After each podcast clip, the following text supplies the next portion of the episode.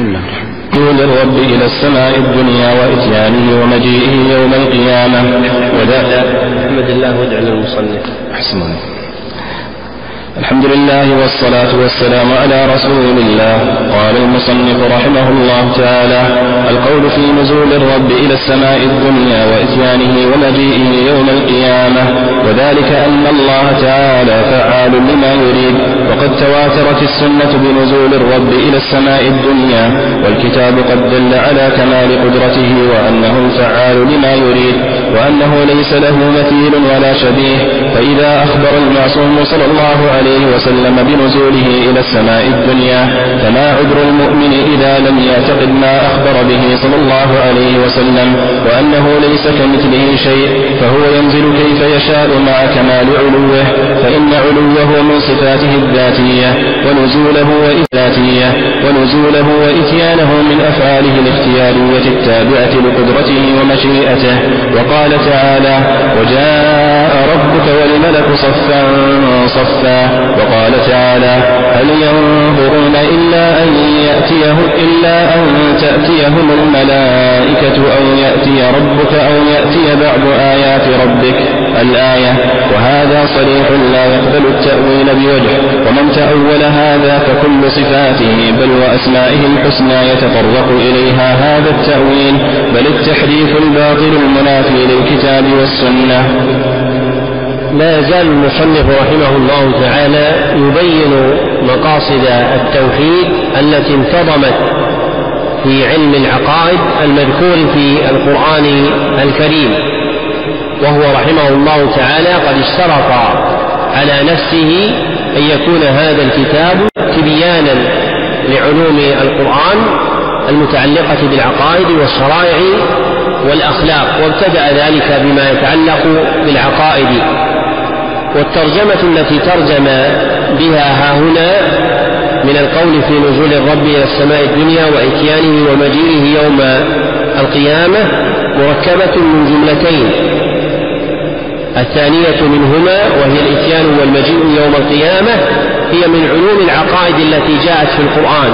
كما قال تعالى وجاء ربك والملك صفا صفا وقال تعالى أو يأتي ربك وأما الجملة الأولى وهي نزول الرب إلى السماء الدنيا فهذه لم تأتي في جملة العقائد المذكورة في القرآن الكريم وإنما صحت عن النبي صلى الله عليه وسلم في أحاديث كثيرة. ويمكن أن يقوى مقام إدراج المصنف لها في جملة العقائد المذكورة في القرآن بما اتفق في إسحاق بن راهويه رحمه الله تعالى. فإن ابن طاهر أمير نيسابور سأله عن النزول فذكر له قول الله عز وجل وجاء ربك والملك صفا صفا وقوله تعالى هل ينظرون إلا أن تأتيهم الملائكة أو يأتي ربك؟ فقال ابن طاهر رحمك الله هذا يوم القيامة. فقال إسحاق إن الذي يقدر على الإتيان يوم القيامة يأتي. يقدر على النزول والإتيان في أي وقت شاء سبحانه وتعالى.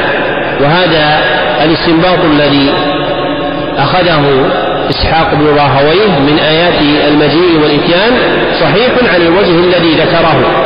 فإن النزول والإتيان والمجيء من أفعال الله الاختيارية التابعة لقدرته ومشيئته سبحانه وتعالى. فصار النزول والإتيان والمجيء يوم القيامة والنزول في الدنيا إلى سماء الدنيا كل ذلك ثابت بالقرآن على الوجه الذي ذكرناه نقلا عن إسحاق بن راهويه رحمه الله تعالى.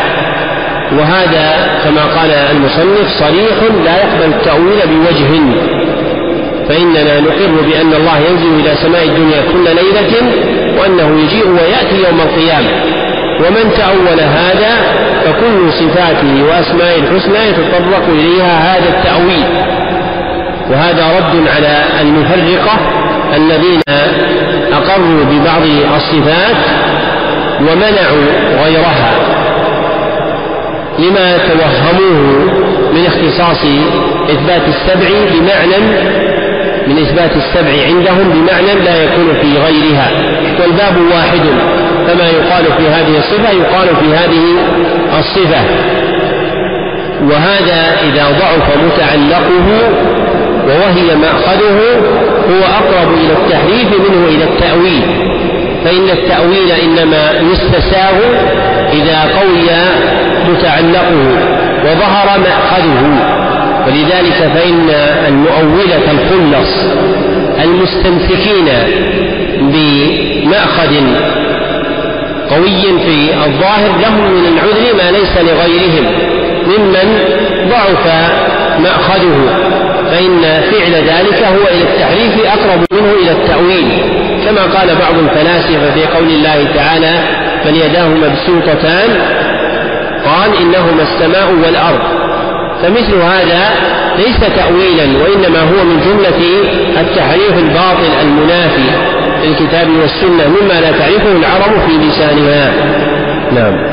حسن عليكم. القول في رؤية المؤمنين ربهم في الآخرة.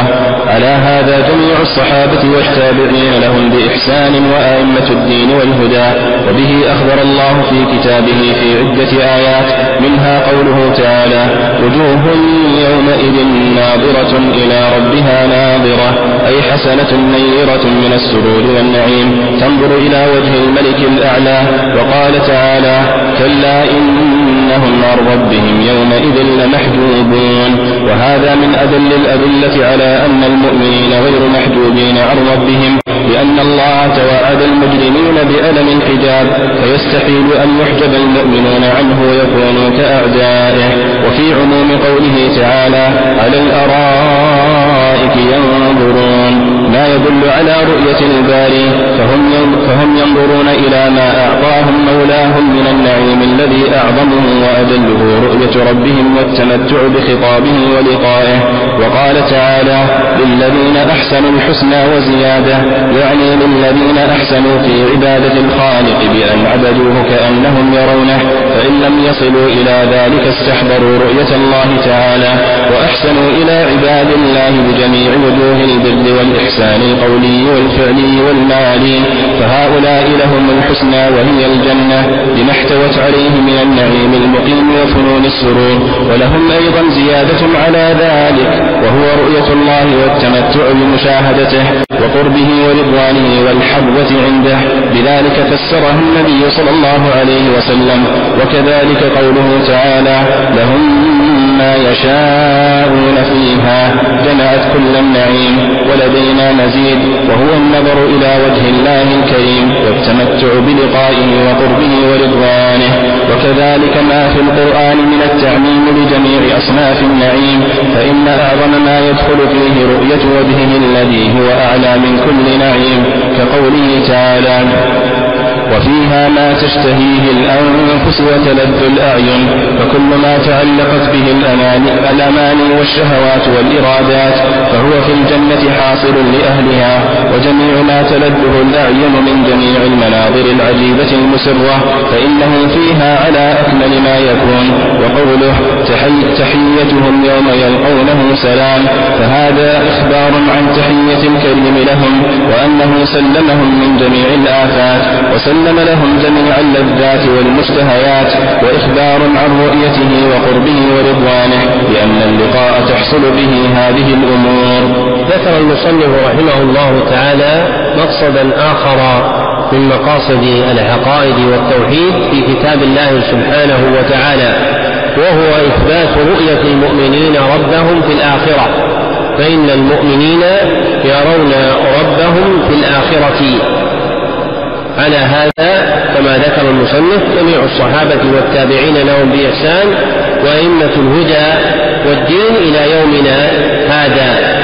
وبذلك أخبر الله عز وجل في آيات عديدة منها قوله تعالى وجوه يومئذ ناظرة أي من النظرة وهي النعيم والسرور إلى ربها ناظرة أي تنظر إلى وجه الملك الأعلى سبحانه وتعالى فهي في نعيم بنظرها إلى الرب سبحانه وتعالى.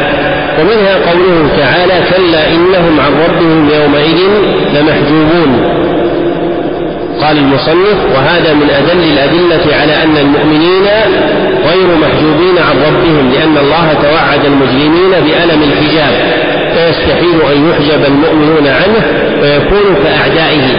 فلما ذكر الله عز وجل أنه يحجب المجرمين عن رؤيته عز وجل علم أنه لا يحجب أولياءه.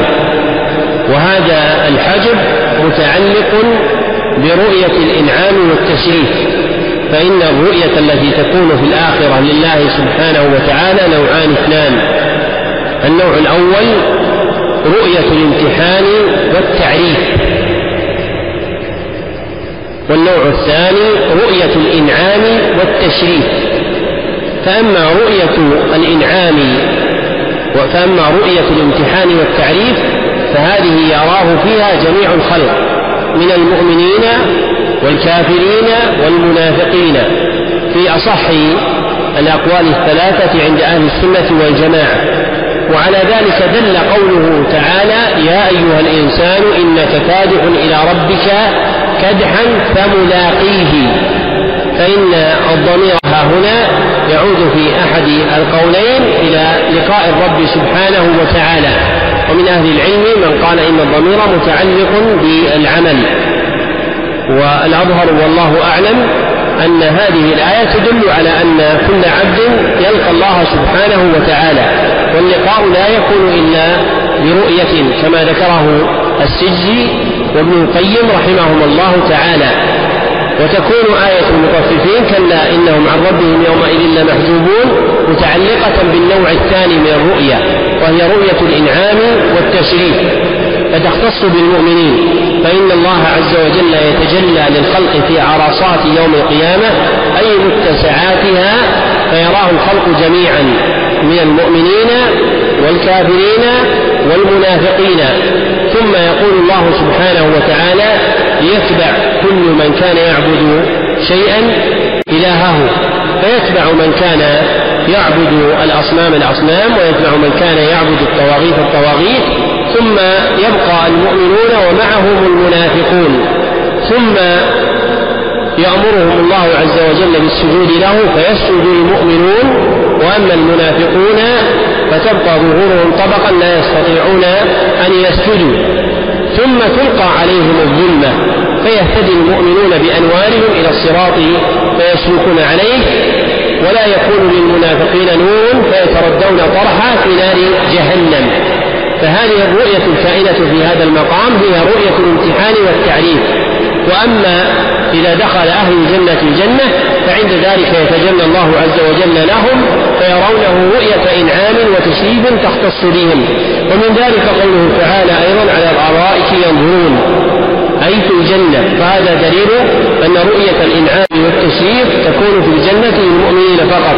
ومنها قوله تعالى للذين أحسنوا حسن وزيادة أي الذين أحسنوا في عبادة ربهم سبحانه وتعالى وأحسنوا إلى خلقه بجميع أنواع البر فهؤلاء لهم الحسنى وهي الجنة ولهم زيادة على ذلك. وهذه الزيادة قد ثبت في صحيح مسلم تفسيرها بالنظر إلى وجه الله عز وجل. وكذلك قوله تعالى لهم ما يشاءون فيها ولدينا مزيد. فإن المزيد كما ثبتت به الآثار هو النظر إلى وجه الله عز وجل. ومن ذلك أيضا قوله تعالى وفيها ما تشتهي الأنفس وتلد الأعين. فكل ما تعلقت به الأماني والشهوات والإرادات وحصلت به اللذات فإنه يحصل لأهل الجنة. ومن أعظم لذاتهم وأكملها رؤية وجه الله سبحانه وتعالى والنظر إليه. ومن ذلك قوله تعالى تحيتهم يوم يلقونه سلام. أي تحيتهم إذا لقوا الله سبحانه وتعالى سلام. واللقاء كما سبق ذكره عن السد وابن القيم لا يكون إلا برؤية ونظر.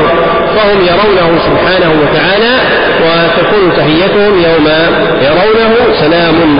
فهذا إخبار عن تحية الكريم لهم وأنه سلمهم من جميع الآفات وسلم لهم جميع اللذات وإخبار عن رؤيته وقربه ورضوانه لأن اللقاء تحصل به هذه الأمور ومن جملتها النظر إلى وجه الله الكريم جعل الله وإياكم ممن ينظر إلى وجهه الكريم في دار النعيم والله أعلم وصلى الله وسلم على عبده ورسوله محمد وآله وصحبه أجمعين.